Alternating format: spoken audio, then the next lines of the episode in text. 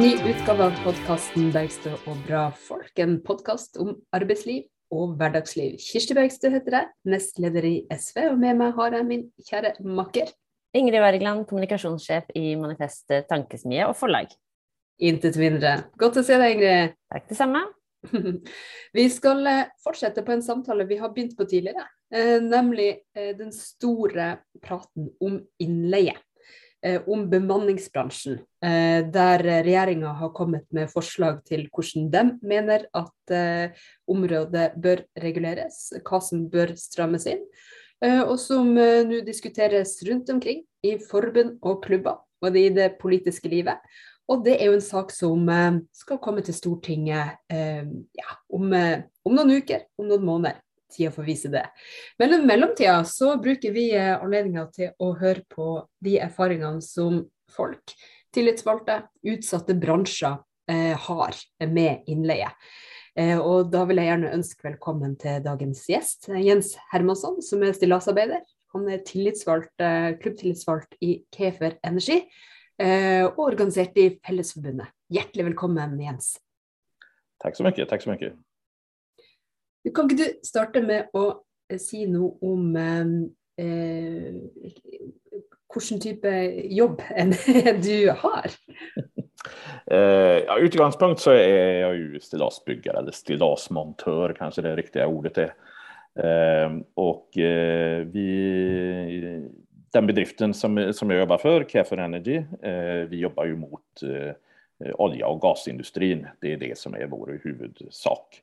Eh, vi har ju lite, lite annat eh, jobb också där emellan, men, men det är så minimalt så att det, det är inte något att beröra. Och eh, där har vi ju då ungefär just nu så ligger väl ungefär halvparten offshore och halvparten onshore, olika landprojekt. Mm. Och där jobbar jag ju på, på resa så att jag jobbar ju rotation och de rotationerna som är och normalt sett offshore så är det två fyra, det vill säga då två veckor jobb och fyra veckor fri. Och eh, på land så är det två, tre, då, två veckor jobb och tre veckor fri. Det är det, det som vi har normalt sett. Och detta kan ju variera lite naturligtvis. Och bara sån helt konkret för att se detta för mig, för när jag hör stillasmonter så tänker jag väldigt fort på liksom uh, uh, jag är inte så mycket offshore då. Uh, då ser jag för mig liksom stillaser på byggnader där man ska mala eller något. Mm. Men alltså, där är det, vad är det för något? Det, det, det, ja, det är ju en sak naturligtvis att vi bygger för eh, konstruktionen så att säga. Det, det, som är om, om vi tar offshore så är det ju lättast att förklara kanske det att eh, saltvatten och stål, det är ju två saker och ting som inte riktigt matchar. Och det betyder ju att du behöver ju eh, vedlikehåll eh, konstant hela tiden. Och för att komma åt eh, alla, ja, alla ställen, alla för, vad, vad det nu än är så behövs det ju stillas för detta. Men annars som, som jag brukar förklara, för som ni hör så är jag ju svensk och bor i Sverige. Så, så eh, när jag förklarar vad, vad jag gör på en plattform här i Sverige så är det ingen som begriper det, för det är ingen som vet vad en plattform är för någonting. Och då säger jag det som att om du är då som en liten myra och så kryper du ner i en eh, motor på en bil och så springer du runt där. Det är ungefär som vi är på en eh, plattform. Och det är klart att för att komma åt överallt så, så måste du ha stillads. Så enkelt är det. Mm. Så att vi, vi, vi bygger och river stillads konstant hela tiden. Och normalt sett på en plattform så kanske vi har en, en, en normalstor plattform så är den 70-80 stillads uppe hela konstant hela tiden. Det byggs och rivs, men det är normalt. Så, så, du bygger dem och river dem, du, du driver inte med allt vedlikeholdet? Det är det andra Nej, som kommer ingen, och gör? Det är andra som gör det. Ah, okay. det, ja. som Nej, men det nu, blir det klarare. Tack. Mm. och det är ju detta ISO-området som vi av och till hör snack om eh, i, i olja då, eh, som eh, isolation, stillas och överflatt. Det blir väl riktigt det Jens? Det stämmer bra det. Ja. Och det är ju det, det är ju också ett, ett, konstigt ord egentligen, men det, men det var väl om, om, vi, om vi ser historiskt sett så, så eh, de här fagerna har ju ingenting med varandra att göra. Det, det är ju så, helt skilda olika saker, men det går på vedlikehåll och då var det väl det att det var väl kunden eh, på den tiden hette det ju Statoil som, som mer eller mindre försökte trycka ihop alla de här sakerna och så fick bedrifterna helt enkelt rätta sig efter det och de som höll på innan de här gebiten. De eh, köpte upp varandra och slog ihop och det ena med det andra och utvecklade då en, en så kallad sån här bransch då, som, som är de här tre grundfagerna. Sen har det ju även tillkommit då eh, lite andra specialgrejer utöver det, bland annat eh, tillkomstteknik. Eh, och mm. det är ju, det är ju egentligen då som ett hjälpmedel att man, man det använder man för att komma åt på väldigt besvärliga ställen. Så, så klättrar man upp och ner och så utför man då olika jobb som mm. man fått tilldelat. Og det har vi jo faktisk hatt en gjest som har jobba som industriklatrer, eh, og som har vært eh, riktig dårlig behandla av et eh, bemanningsselskap. I så har vi til å høre om dine erfaringer som tillitsvalgt, og deres Eh, situasjon på, på arbeidsplassen. Eh, bare for å starte litt sånn åpent eh, hvordan virker innleieproblematikken inn på din arbetsplats och i ditt virke som, som tillitsvalgt? Det som är att inlägg som sådant, det vill säga de personer som kommer ut, det är ju absolut inget fel på dem. Det, de, merparten är ju väldigt, väldigt bra folk och en hel del är väl kunniga också. Det finns det är väl lite olika Eh, Eh, där de är kanske kompetensen, en del kommer ut och, och aldrig har någonsin sett varken det ena eller andra så att de är ju helt nybörjare medan en del kommer ut och är väldigt, väldigt duktiga. Men eh, det som är då att själva branschen som sådant är väl inte någonting direkt att ha för, och nu, nu snackar jag överlag här, men, men i stort sett alla bedrifter som vi använder oss av är ju alltid någonting som, som inte är helt hundra på, på ställ så att säga. Och det kan ha med löner att göra, det kan ha med arbetstid att göra, det kan ha med rotationer att göra, det kan ha med eh, ansättelseförhåll att göra och eh, kläder, eh, verktyg, allt möjligt sånt. Men den största grejen är ju där, det är ju för, för folket så är det väl ansättelseförhåll. Att om någon säger någonting eller gör någonting som, som någon inte tycker om så slutar telefonen att ringa hos den personen eh, helt plötsligt. Det finns ingenting som heter uppsägningstid, det finns ingenting som heter permittering, det finns ingenting sånt. Utan eh, telefonen slutar bara ringa. Det, och eh, till slut så får vi den här personen reda på då att nej, det var ingen mer jobb där. Då får han söka jobb någon annanstans. Det, det är mm. så det fungerar. I, I alla fall det är den erfarenheten som vi har hos oss. Då.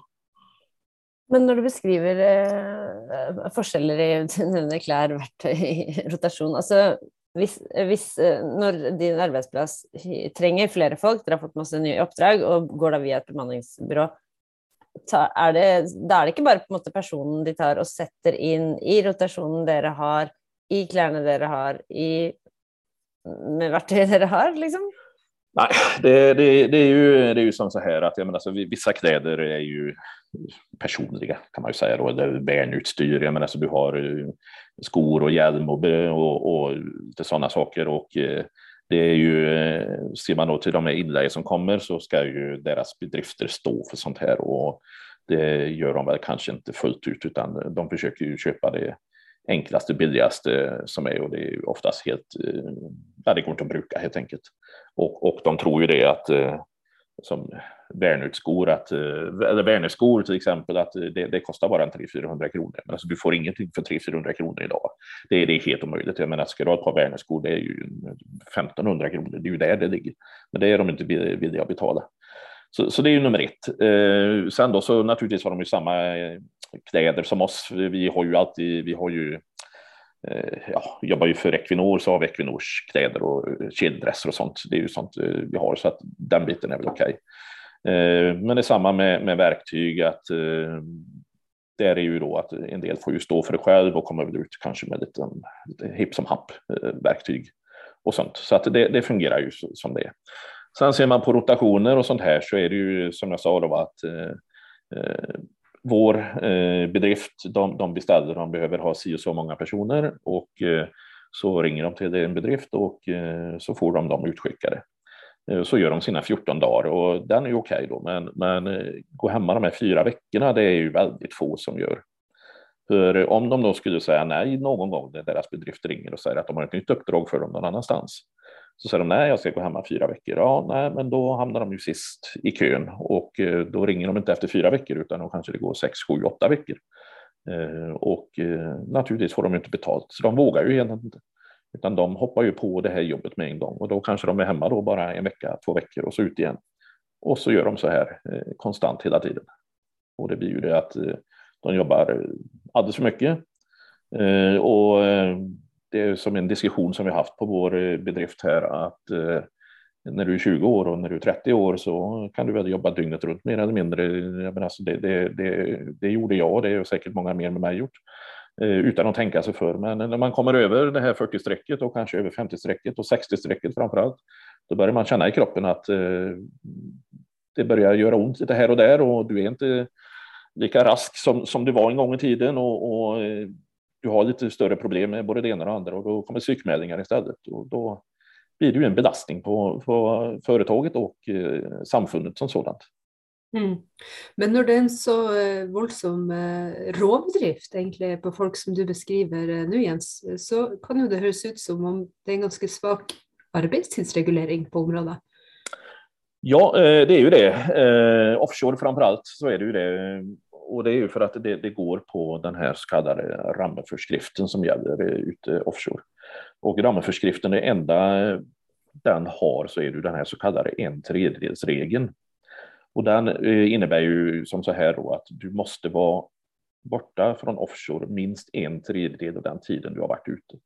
Så har du varit ute då 14 dagar, eh, det är egentligen 15 dagar som är berört, för första och sista dagen är ju resdagar och det är ju bara halvdagar, så det är 15 dagar. Då ska du alltså vara fem dagar på land och sen kan du åka ut igen. Det är det enda som reglerar eh, arbetstid offshore. Så att rent logiskt sett så kan du jobba två, en, eh, två, eh, ja, hela året utan att eh, det finns någon reglering runt det.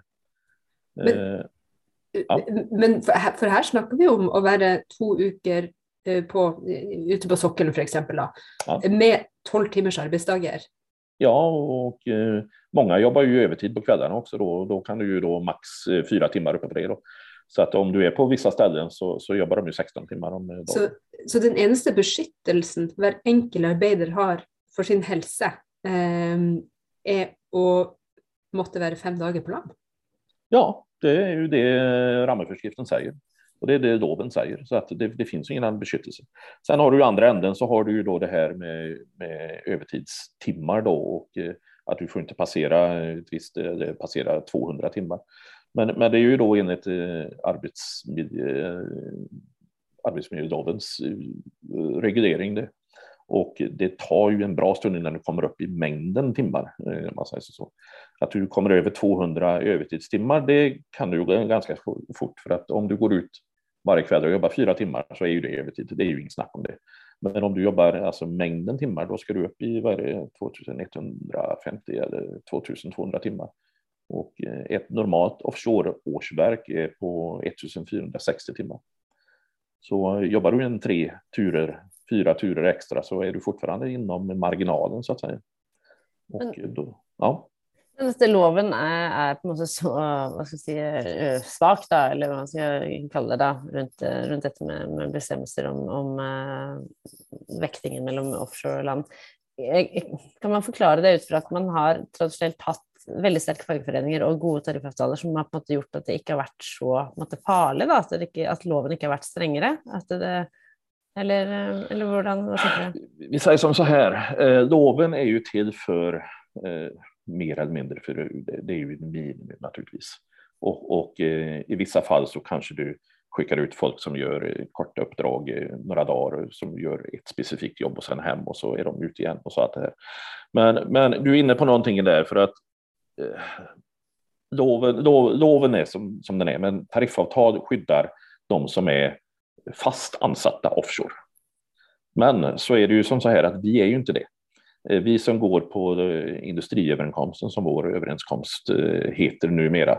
Den heter ju verkstadsöverenskomsten. Förut så slog de ihop några överenskomster och så blir det industriöverenskomst.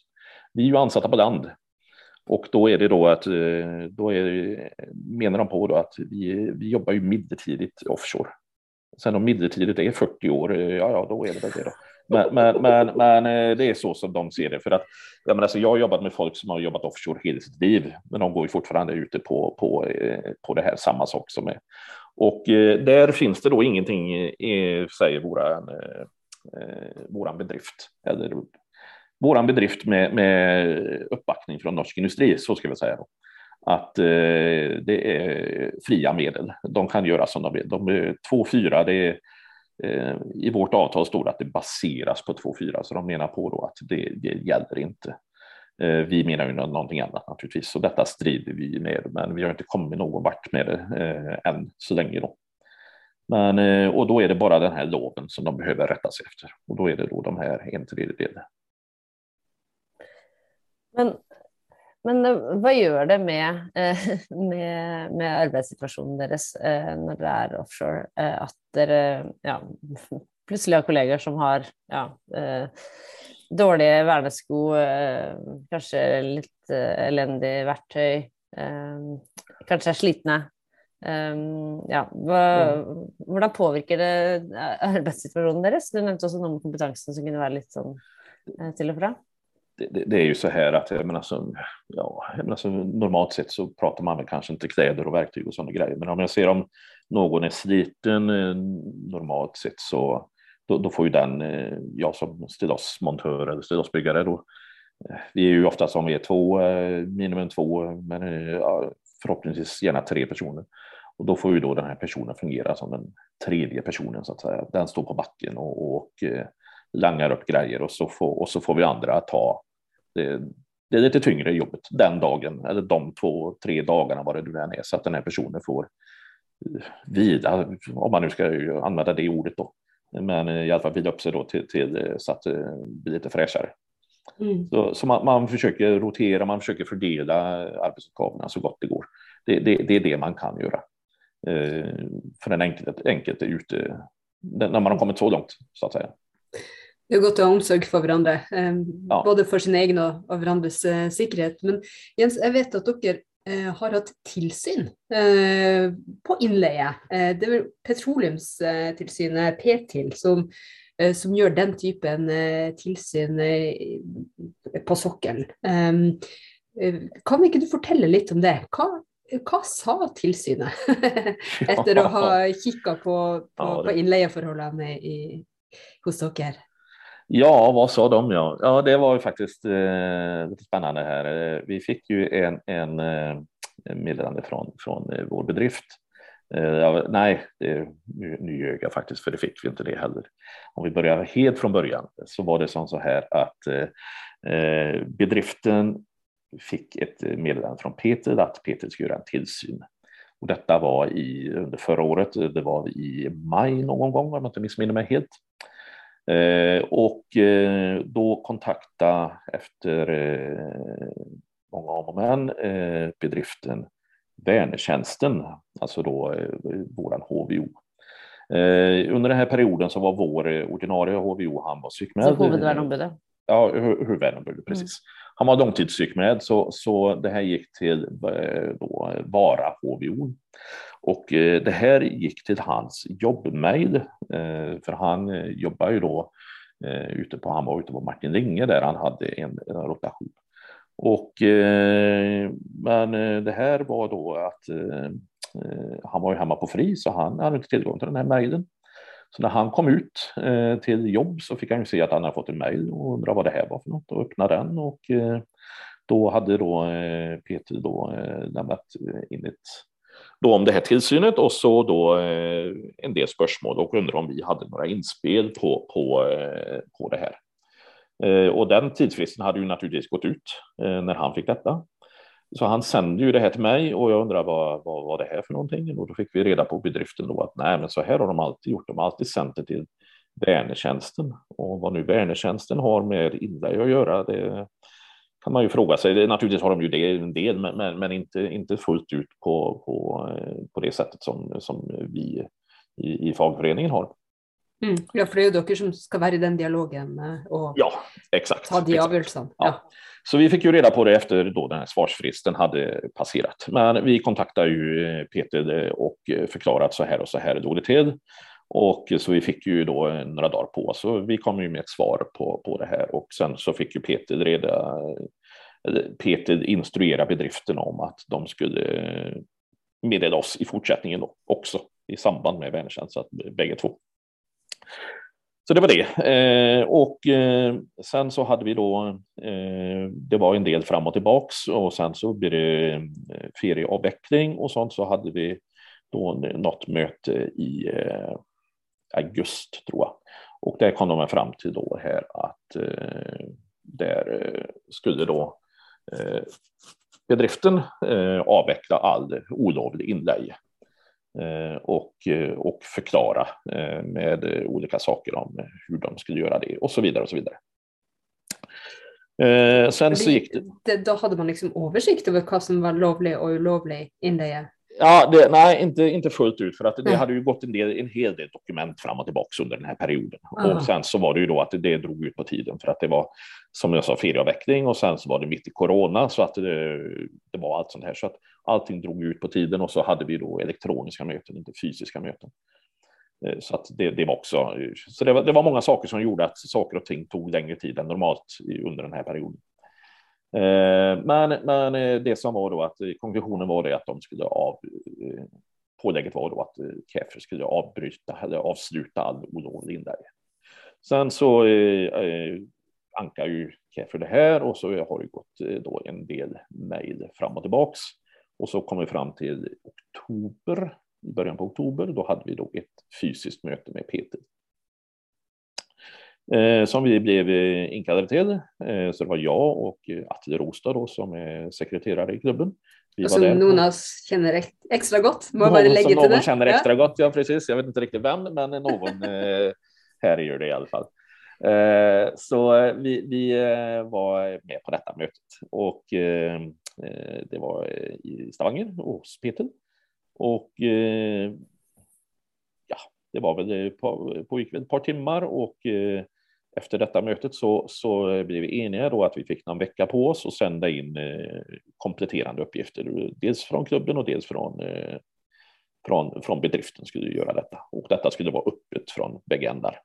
Så vi fick ju eh, bedriftens syn och de fick ju se våran syn. Sen så har vi då faktiskt inte hört någonting än, utan vad jag fick för mig då på det här mötet är att här var det till 90-95 procent färdigt. Det var bara att de ville ha det allra sista så att de kunde slutföra sitt pålägg och komma fram med ett beslut.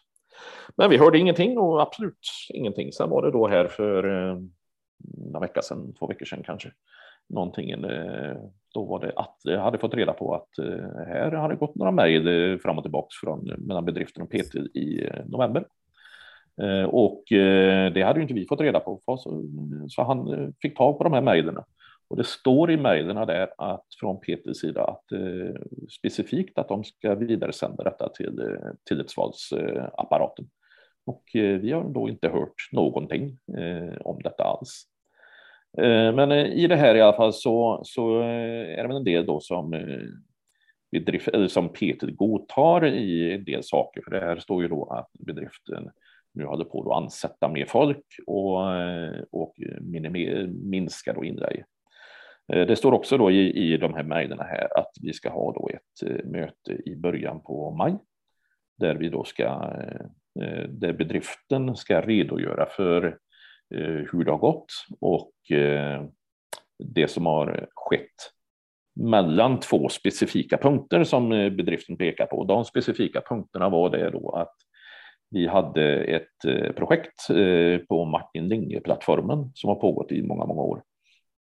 Eh, och det har de då sagt hela tiden att de har så mycket inlägg, det beror på just denna plattform.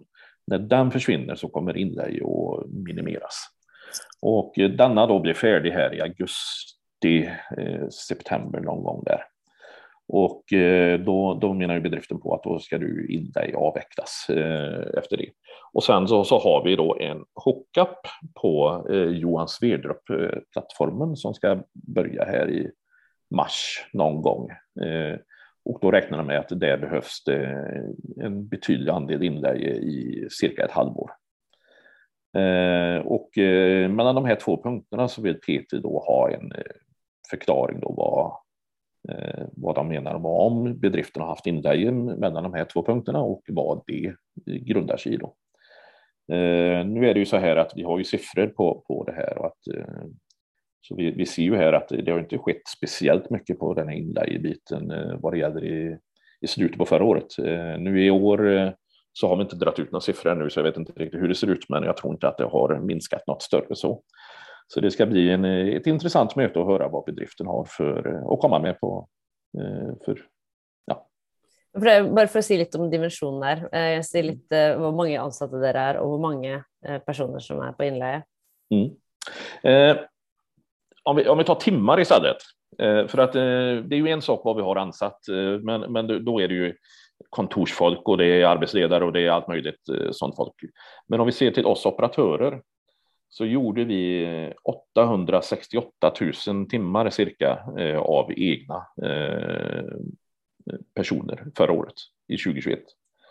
Och inlejda operatörer då gjordes 863 000 timmar cirka. Ja. Så, så det är ungefär... Ja, liksom halt om halt då? Ja, ungefär så. Men eh, ja, nå vet ikke hvor mange som har bevisst hvor mange timer man jobber i løpet av et år, men dere er jo, dere er jo mange, mange mange hundre ansatte. så Det er jo ikke, en, det er ikke noen sånn liten bedrift. Nej, nej, det, nej vi säger då om du, om du då tar ett, eh, ett offshore-årsverk så ligger det på 1460 eh, timmar mm. och ett landårsverk ligger på 1600 mm. någonting. Så, men, men, om du snittar en 1500 timmar per person då ungefär då, så, så så har man ju då vad, vad, vad det nu kan tänkas bli då. Mm. Det går ju att räkna ut. Så här, men här är det ju eh, avklart från Petersens sida att det har foregått ulovlig innleie. Eh, og, og, så är ju det stora spørsmålet vad blir liksom oppfølging av konsekvenserna av det? Kommer Kefer til å ansette flere? For det är helt åpenbart høres det ut som att eh, oppdraget eh, som är kontinuerlig, är, eh, krever flere ansatte enn de man har i egen bedrift? Mm. Ja, eh, det, det, de, har ju, de har ju, jag ska säga, de har ju ansatt eh, många, men, men eh, de, eh, sen, eh, sen oktober då vi satt i det här mötet till nu så har de i alla fall ansatt en 200 man, eh, kanske mer. Eh, det har ju slutat några stycken också ska jag säga, så att det är väl lite åt det hållet med. Men, men eh, jag menar, så det, det är ju fortfarande enormt hög inlejandel. Eh, så att hade de inte ansatt de här 200 eller vad det nu kan ha varit så hade ju vi pickat över. Då hade vi ju haft 40-60 kanske än 50-50 som det är nu då med, med, med inlägg. Så att ju, arbetet har ju, har ju ökat också. Mm. Det är mm. inte så att vi ligger på, på samma mängd arbete, utan det har ju, det har ju ökat det med så att eh, hade de inte som sagt var ansatt så hade det blivit ännu skevare fördelning. Mm. Men vad tänker du då är, är lösningen? Så alltså, vi har ju uh, hört uh, lite om, om utfordringene uh, och omfånget, inte minst, av innleie uh, på, på arbetsplatsen din. Eh, Nå er jo regjeringas strategi det er jo å prøve å skille ut de seriøse og useriøse. Eh, og også forby eh, bemanningsbransjen i visse, eh, i visse bransjer og, og, geografiske områder, eh, blant hvilke tanker gjør du deg om det? Jeg kjenner jo til at eh, avdeling 25 eh, i Fellesforbundet mm. eh, har eh, krevd å straks forbi innleie fra bemanningsselskapene på ISO-området i olja. Hva, hva, hva, tenker du at liksom må gjøres i forhold til de utfordringene du står i som, som tillitsvalgt? Ja, jag kan också säga så här att nu i måndags, då var jag ju faktiskt i Oslo och eh, vi var inviterade till eh, Hadja Tajik, heter hon Helt riktigt. Eh, ja, eh, och så satt vi där. Vi hade ja, nästan en timme som vi satt och fick prata med henne om och där och jag var en av de klubbledarna som var där. Vi var ju några stycken. Vi kan ha varit en åtta, tio stycken kanske från olika ställen. Och eh, så vi fick ju sitta och tala om våra eh, utfordringar och vad vi såg och då vad vi ansåg kanske då eh, de här förslagen som, som ligger från regerings, eh, regeringen eller regeringspartierna som ligger. Och eh, det var ju då de här två, två saker var det väl. Det var väl en sak då som att förby. Det var väl en möjlig väg att gå. Och det var väl det de höll på med i Oslo inom byggsektorn. Mm. Och eh, om det då var en, en väg att gå på, som du sa, inom ISO då, eller kanske inom, ja, mer än, än ISO. Det andra var då till att ändra då det här med eh, bokstav A i, i arbetsmiljölov, där, där eh, det är lov då att lägga in eh, personer in om arbetet är av medeltidig karaktär, som det så fint heter. Och om man tar bort den eh, saken då, vad som händer då. Eh, vi, vi är väl så här att eh, förbjuda någonting, det är väl kanske det är väl kanske inre längsta, men, men inom ISO tror jag att det, det hade varit bra för att där har vi mycket snusk, om man säger som så, i, i bemanningsbyråer. Och eh, jag är inte, nu känner inte jag till eh, hur det ser ut inom Eh, övriga verkstadsmekanisk och svejs eh, sådana saker, men jag tror att det är bättre ordning och reda där än vad det är inom ISO. Eh, så att där, där, där, där är jag absolut för detta då. Men, men den biten satt väl hårt inne. Däremot förstod jag väl att det var mer enighet med, med då, kanske då ta bort den här bokstav A eller möjligheten då till att använda inlägg enligt bokstav A. Och då blir ju det att eh, nästa bekymmer blir ju där då att eh, då går ju allting ner till tillitsvalda, alltså som jag representerar då, att vi kan ingå ett avtal med bedriften och det är ju positivt så sett. Men då är det ju det då att eh, det kan bli väldigt eh, stor press på tillitsvalda. Eh, för att de kommer det här och att de är tvungna att skriva på ett eller annat så bedriften kan fortsätta så som de gör. Eh, och eh, den, för min egen del så bryr inte jag mig om det. Jag klarar mig med det. Det, det är inte så. Men då kan det också bli då att det blir skevfördelat eh, med konkurrenskraft då gentemot olika bedrifter. Att eh, de har någon bedrift som eh, valda skriver på vad som helst och några som inte skriver på någonting. Så, så, så då, då, blir det fel där. Men eh, så att om man då ska gå för att man tar bort den rättigheten enligt bokstav A då, så, så bör man även gå in och göra en del tilltag runt vad det faktiskt är man kan avtala. Mm. Om man har begränsningar på antal eller om det finns några andra sorts begränsningar på ett eller annat så bör någonting göras där. För eh, kan man gå in och avtala om vad som helst så kommer det snart att finnas avtal om vad som helst. Och då betyder den här eh, ändringen ingenting. För då kan man ju se för sig att man har en ganska liten stab med fast ansatte som har OK tariffavtale och det är en tillitsvald, men så kan, kan ju 90 procent av de som faktiskt utför jobben vara Ja, ja, men alltså, det... alltså, i, I princip går det helt da, fint an innenfor loven. Ska, ska, ska, du hårdra det då så räcker det att du har en ansats som är, som är liksom medlem i, i Fällesförbundet då, eller vad det nu än må vara. Och han skriver avtal så är det färdigt. Mm. Ja. Eh, så, så, eh, ja, men alltså någon form av eh, åtstramningar behövs det ju där också då i just denna biten. Då. Mm. Eh, och detta var väl en, en av de sakerna som, eh, som bland annat jag tog upp och eh, det var väl en, eh, det fick vi tillbakamelding då att det var de, det hon var väldigt intresserad av att se, lyssna på det och att vi skulle komma med ett inspel runt detta. Så vi blev eniga då i, i Fällsförbundet då, vi som var där, vi satt ju på något möte efteråt också och pratade igenom det hela och att vi skulle göra en sammanfattning och så kommer det då något eh, form av eh, inspel från, eh, från vår sida då, så, så får vi se vad, vad, vad det vill säga då. Det är ju väldigt bra, och då hoppas vi att det är ett punkt som är förstärkt för lovforslaget läggs fram för Stortinget och det ska behandlas där. Eh, och om inte, ja. så tar vi igen eh, emot inspelen på nytt för att främja ja. dem där. Eh, för det är ju två eh, möjligheter för att göra det bättre. Det ena är regeringens framlägg och så är det ju absolut möjlighet för förstärkningar när Stortinget ska behandla ja. de här viktiga spörsmålen. Ja, och då är du ledare för kommittén som behandlar detta. Så detta det är riktigt. Ja. Og, eh, og eh, nestleder i partiet som regjeringa avhengig av flertall med. Så vi har absolutt tenkt å gjøre det vi kan eh, for at uh, denne saka uh, lander bra. Uh, men det er jo veldig viktig og, og, og, veldig godt å høre at det er såpass tett dialog, sånn at de reelle utfordringene kommer frem og blir belyst før, før lovforslaget eh, legges frem. Kan jeg bare et siste spørsmål til deg, Jens, Ja. før, eh, før vi skal over til vårt faste spørsmål, som sikkert eh, våre faste lyttere sitter og lurer veldig på. det. Ja.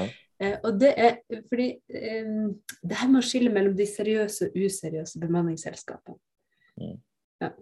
Hvordan opplever du som tillitsvalgt det? Hvor lett er det å gjøre det?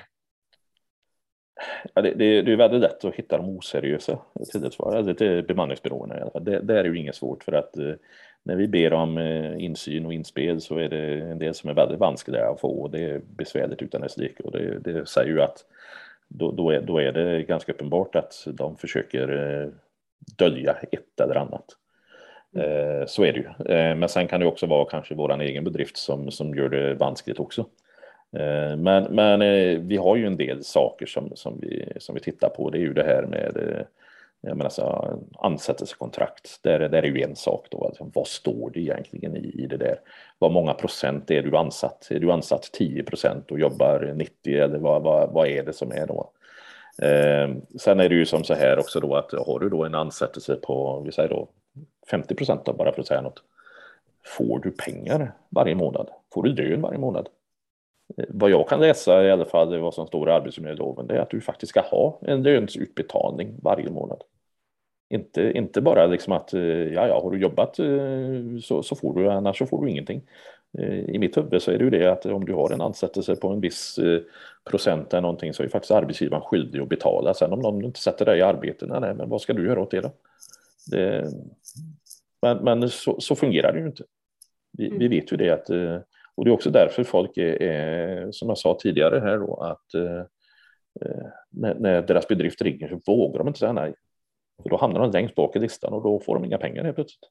Eh, och det kan gå evigheter innan de kommer ut på jobb och får, får betalt. Mm. Och, ja, så, det, så det, det, är bara några saker som är. Mm. Sen så har det ju bevisat sig också i det som vi har sagt för flera, flera år sedan som eh, vår bedrift bland annat har bara stått åt sidan eh, så har ju det kommit fram i, i dagen och några år senare då att det är folk som har, eller bedrifter som har gått i konkurs för både det ena och det andra. Bedrifter som, som inte följer eh, lika behandlingsprinciper vad det gäller lön och sånt. Och det är ju sånt som vi sa för, för många år sedan. Som vår bedrift sa att nej, nej, men det, är, det är fina bedrifter, de gör ingenting och sen visade det sig då att vi hade rätt ändå. Det tar Mm. tid, men, men det kommer fram. Og noen ganger så vil man jo helst ikke ha det, eller få rett. nej, nej, nej, nej. eller den nej, typen nej, nej, men så är det ju. Men, men eh, Mm. det, är ju, det är ju som återigen, detta är ju för att skydda eh, alltså de personerna som vi träffar ute när vi är ute och jobbar. Jag menar, så om jag kommer och jobbar med en kille som är illa till oss så vill jag ju att han ska ha eh, lön och arbetsförhåll så som vi andra har. Mm.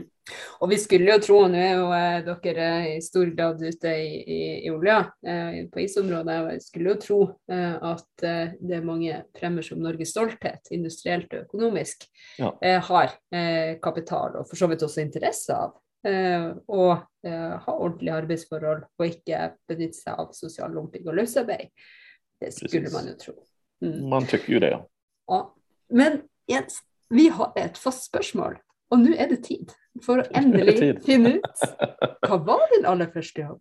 Mitt allra första jobb, jag Ja. kan säga jag har varit inom ganska mycket saker. Eh, Det här stilas, eh, nu har jag hållit på med stilas i 20 år i och för sig, så att eh, nu börjar det väl kanske bli några år där också. Men, men mitt allra första jobb, och det var ett sommarjobb som jag hade varje sommar. Och jag började där, jag var en, ja, kan det ha varit 12 tror jag, men det kan ha varit tidigare med. Jag har en äldre bror som är tre år äldre än mig. Han började där året före mig. Eh, Och sen så tog han med mig också. Då. Det var faktiskt en, en eh, plantskola, heter det.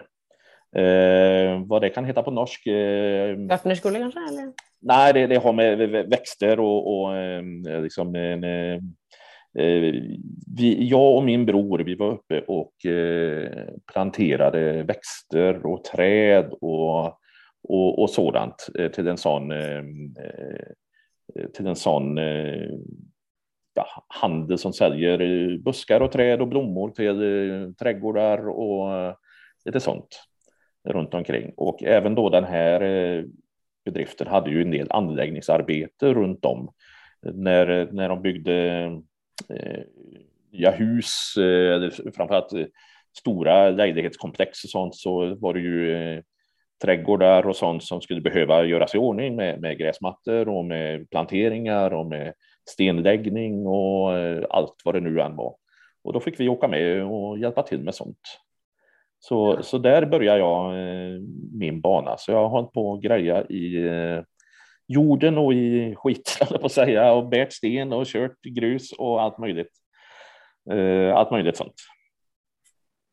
Imponerande. Så mm. där var det, starta med gröna fingrar med, eh, med, med jord. Ja, jajamensan. och sedan har näven fått kört sig. Ja, så det, det, var mitt första jobb och sen då som sagt så har jag provat på inom eh, eh, men mitt första riktiga jobb sen efter detta då, det var faktiskt inom restaurangbranschen. Mm. Som jag utbildade mig inom restaurangbranschen, utbildade mig till kock och servitör och sen har jag jobbat som servitör och bartender i många, många år. Oj, så du har flera, flera fagbrev du Jens? Jajamensan. Ja. ja. Men eh, det är ju svenska fagbrev så att de fungerar ju inte i Norge påstår de ju. Så att, eh, det... Men ändå det smakar gott av en mat av en faglärt svensk kock också. Ja, ja men alltså det, det, är också därför då som om ni ser bakom mig här så har jag min vinkällare här mitt i huset. Så det är ju ett sånt här eh, intresse som har levt kvar och det, det är inte billigt men det, det, är rätt gott så sett. Man har alltid en flaska vin och, och ställa fram på bordet. Så pass. Du, är, ja. Det kan hända att eh, eh, Ingrid och jag kommer på en liten studieresa till Sverige en gång. ja, ni är välkomna. Ni är välkomna. Hjärtligt, hjärtligt tack. Jens, mm. tack för att du eh, tog tid till att dela dina erfarenheter med oss. Vi önskar dig lycka till, eh, både med Vinkjellet och med arbetet, inte minst eh, som tillitsvald. Det är en viktig jobb. Tack för det. Tack för det.